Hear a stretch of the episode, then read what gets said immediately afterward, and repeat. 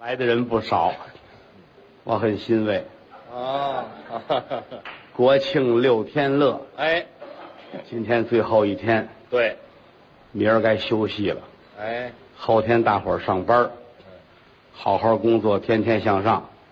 今天是花场演出，哎，有说的有唱的。综合场，刚才是京韵大鼓，嗯，有演员唱的好啊，啊，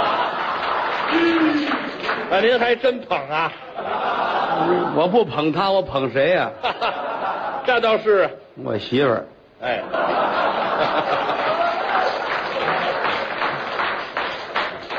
唱多好啊！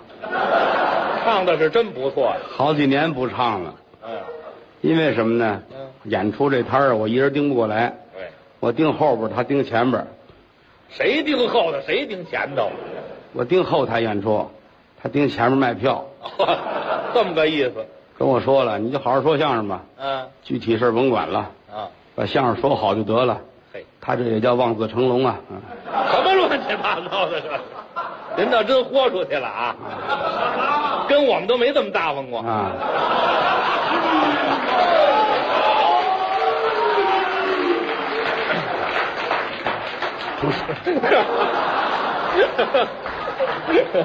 再给大伙儿说一段啊，这 这就一段儿，嗯也是从小学的，嗯，从小学京韵大鼓，哎，在天津学艺，所有的白派的名家都教过他。哎，十四岁那年在天津搞过一个个人专场，对，当时天津所有唱大鼓的都到了，啊助演呢有铁片名家姚雪芬先生，嚯相声名家于宝林、冯宝华，嗯，主持人是刘俊杰，哦，骆玉生先生现场祝贺哎呦。演出结束，骆先生在台上跟王慧说过：“咱们娘俩弄一专场，搞一晴雯专场，嚯，你探晴雯、浅晴雯，我来记晴雯。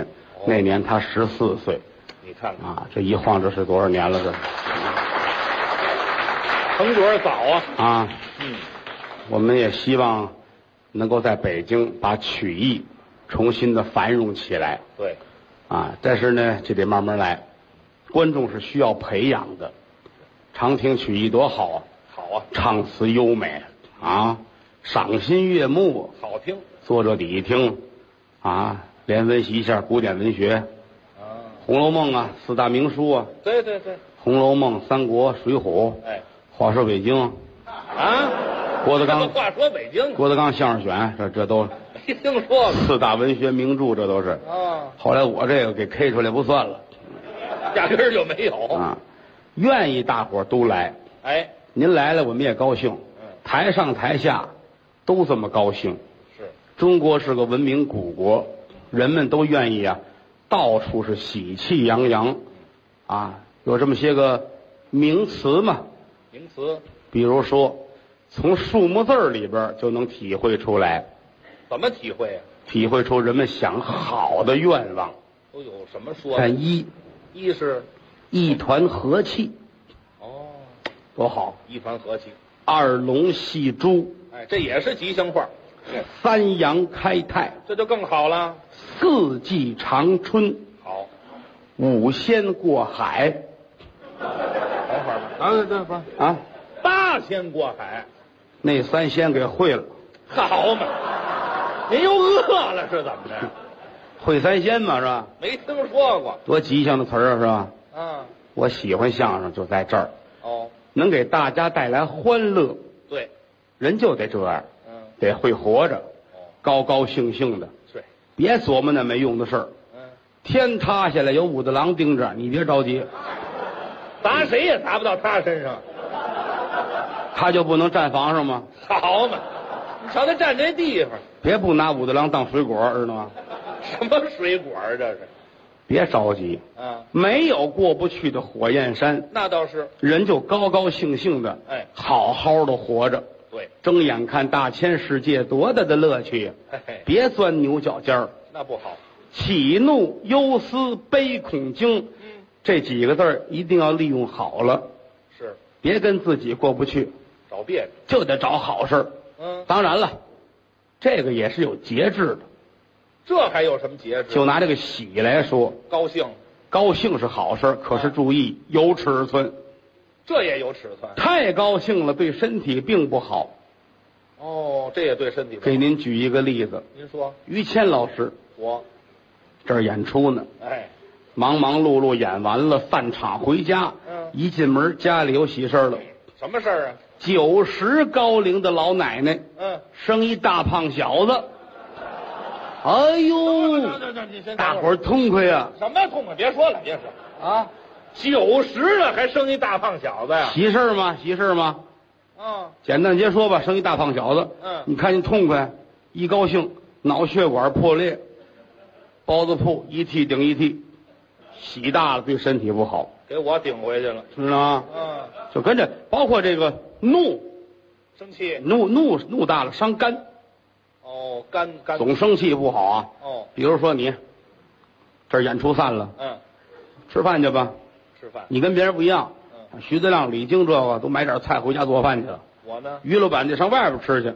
吃馆子。上饭店，嗯往那儿一坐，来来来一两啤酒，论两喝啤酒啊，来一两啤酒兑凉水，我爱喝凉的，我。嗯，凉身儿的啊，来来搁这儿，来一花生，来一花生，来半拉松花，我不要吃那花啊，嗯，那还没什么了就。坐这儿吃，嗯，摆谱啊，糟呗，有钱糟呗是吧？这能糟多少钱呢？这个啊，带着饼呢自己啊，就人家桌子上那蒜吃，好嘛，不要钱，心情愉快。嗯，旁边那桌俩人，一男一女，谈恋爱的，哦，啊叫了六个菜，叫的酒，俩人跟这儿吃，嗯，越看越恨得慌，哦，哼，倒霉去吧，哼，哼这样的，你早晚你们俩人都得有外遇，知道吗？啊，你看女的长那模样，倒霉去吧，人家能爱听吗？那当然不爱听，过来抡圆了，啪，打我了。给你一嘴巴，你看，你有骨气啊，哦能惹能扛啊，哦，扑腾跪下了，我这藏什么了我？我错了，爸爸别打我了，哼，汉子是条汉子。谁是汉子呀？一条硬汉子，知道吗？啊，一转身，要不你踢我两脚。嗯，行了，这就人家人家挺客气，谁理他这个呀？啊，拿过啤酒瓶子来，烫，叫爸打爸碎了不用嗯拿那尖儿，叮，啊，扎尾巴骨上了，好嘛，送医院去了，歇半年。怒不好，怒大了伤肝和尾巴骨，嗨，就是干，没有尾巴骨，这都古典文学《本草纲目》上都写着了，没听说过。知道吗？啊，人不能太这样，喜、怒、忧、思、悲、恐、惊这几个字儿一定一定弄好了。哎，对，另外，人这个情绪要控制好一点，平稳一点，大喜大忧都不好，那倒是是。不是啊哎？愿意大伙儿啊都长寿，哎，都健康。对，你看咱哥俩这么离析，嗯我也愿意您长寿，谢谢你，是不是啊哎对？多活些年，谁都盼谁好。多给大伙儿说些年，哎有什么不好的呢？嗯，咱们相声界有那个长寿星老前辈啊，是吗？是您跟人大伙儿学学那个，也去健身锻炼，活一百岁，啊，那那那对吗？好，愿意您长寿，嗯我爱跟这个长寿的人聊天儿。是吗？爱跟这个，咱们那哪儿，大兴一直往南下去，快到这个鱼房那边呢，嗯有一个村儿，长寿的人很多。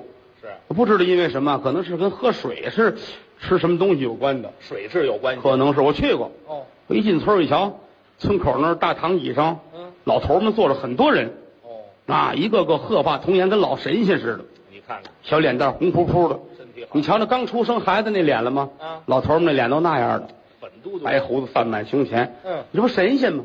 对，你说这咱咱能不问问？老寿星。一瞧把边儿这个离着我最近，大躺椅坐着三位老爷子，哦，看着一个比一个岁数大。啊，打头一个开始问：“说老爷子，啊，您今年高寿？嗯，还小呢，多大？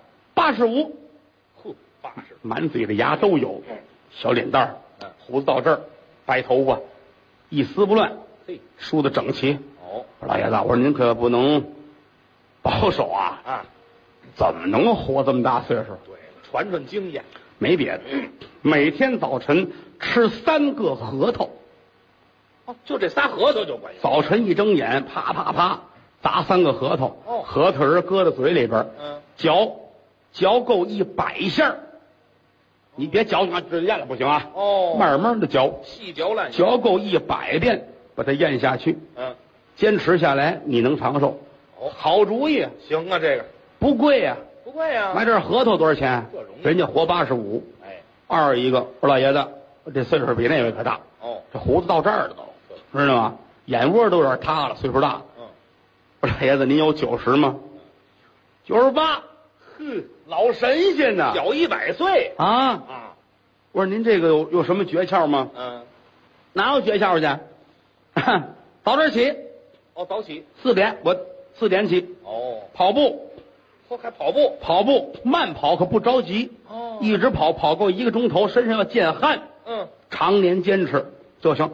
呵，锻炼一分钱都不花就能学这个啊！啊，再看第三位，嗯，这胡子都到这儿了啊！长了，哎呦，这脸上啊，嗯比这两位可瘦，皱纹是一道挨一道嗯。我心说这个一百二都打不住。是啊，我说老爷子，哎您这长寿秘诀是什么？哎，我这秘诀啊，多交女朋友，嗯，一个礼拜争取换七回，一天一个，嗯就行了。嚯，还有这办法？嗯，您今年高寿啊？嗯，三十五，这模样儿，啊好嘛， 哎你等死吧你！太对了，你也倒霉活不到倒你霉催的，你这是啊！啊，这头头两个能听，后边这别学啊这哎。要挑不说挑费这也高，挑费也高，嗯嗯， 那可不是 嘛，挑费高啊！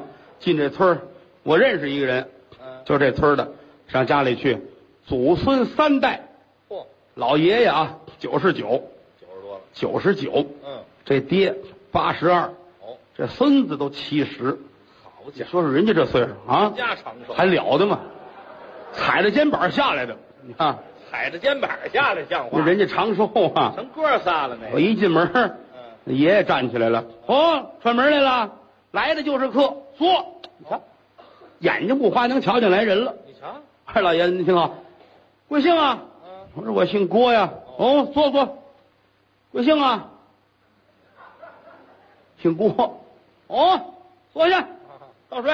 哎，贵姓啊？还是没记住，我说姓郭。嗯，他儿子站起来，这这这这呀呀，您呐岁数是太大了啊！人家说了三遍姓李，姓李的听不见呢啊！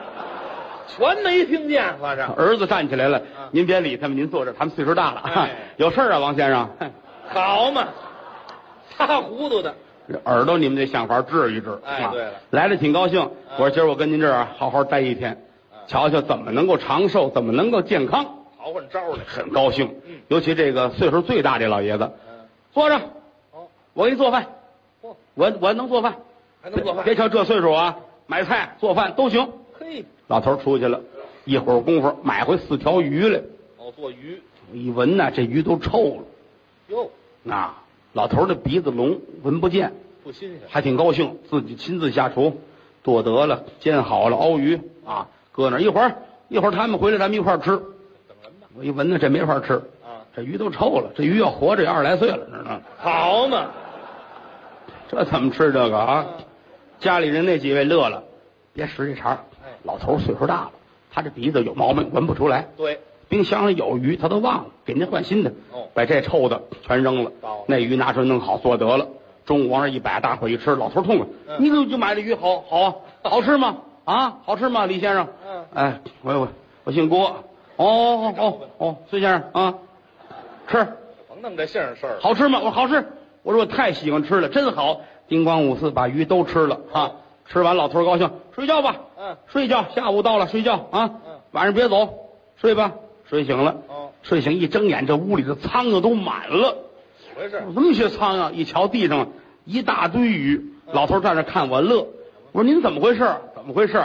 你们夸这鱼好，我都买来了， 我好嘛。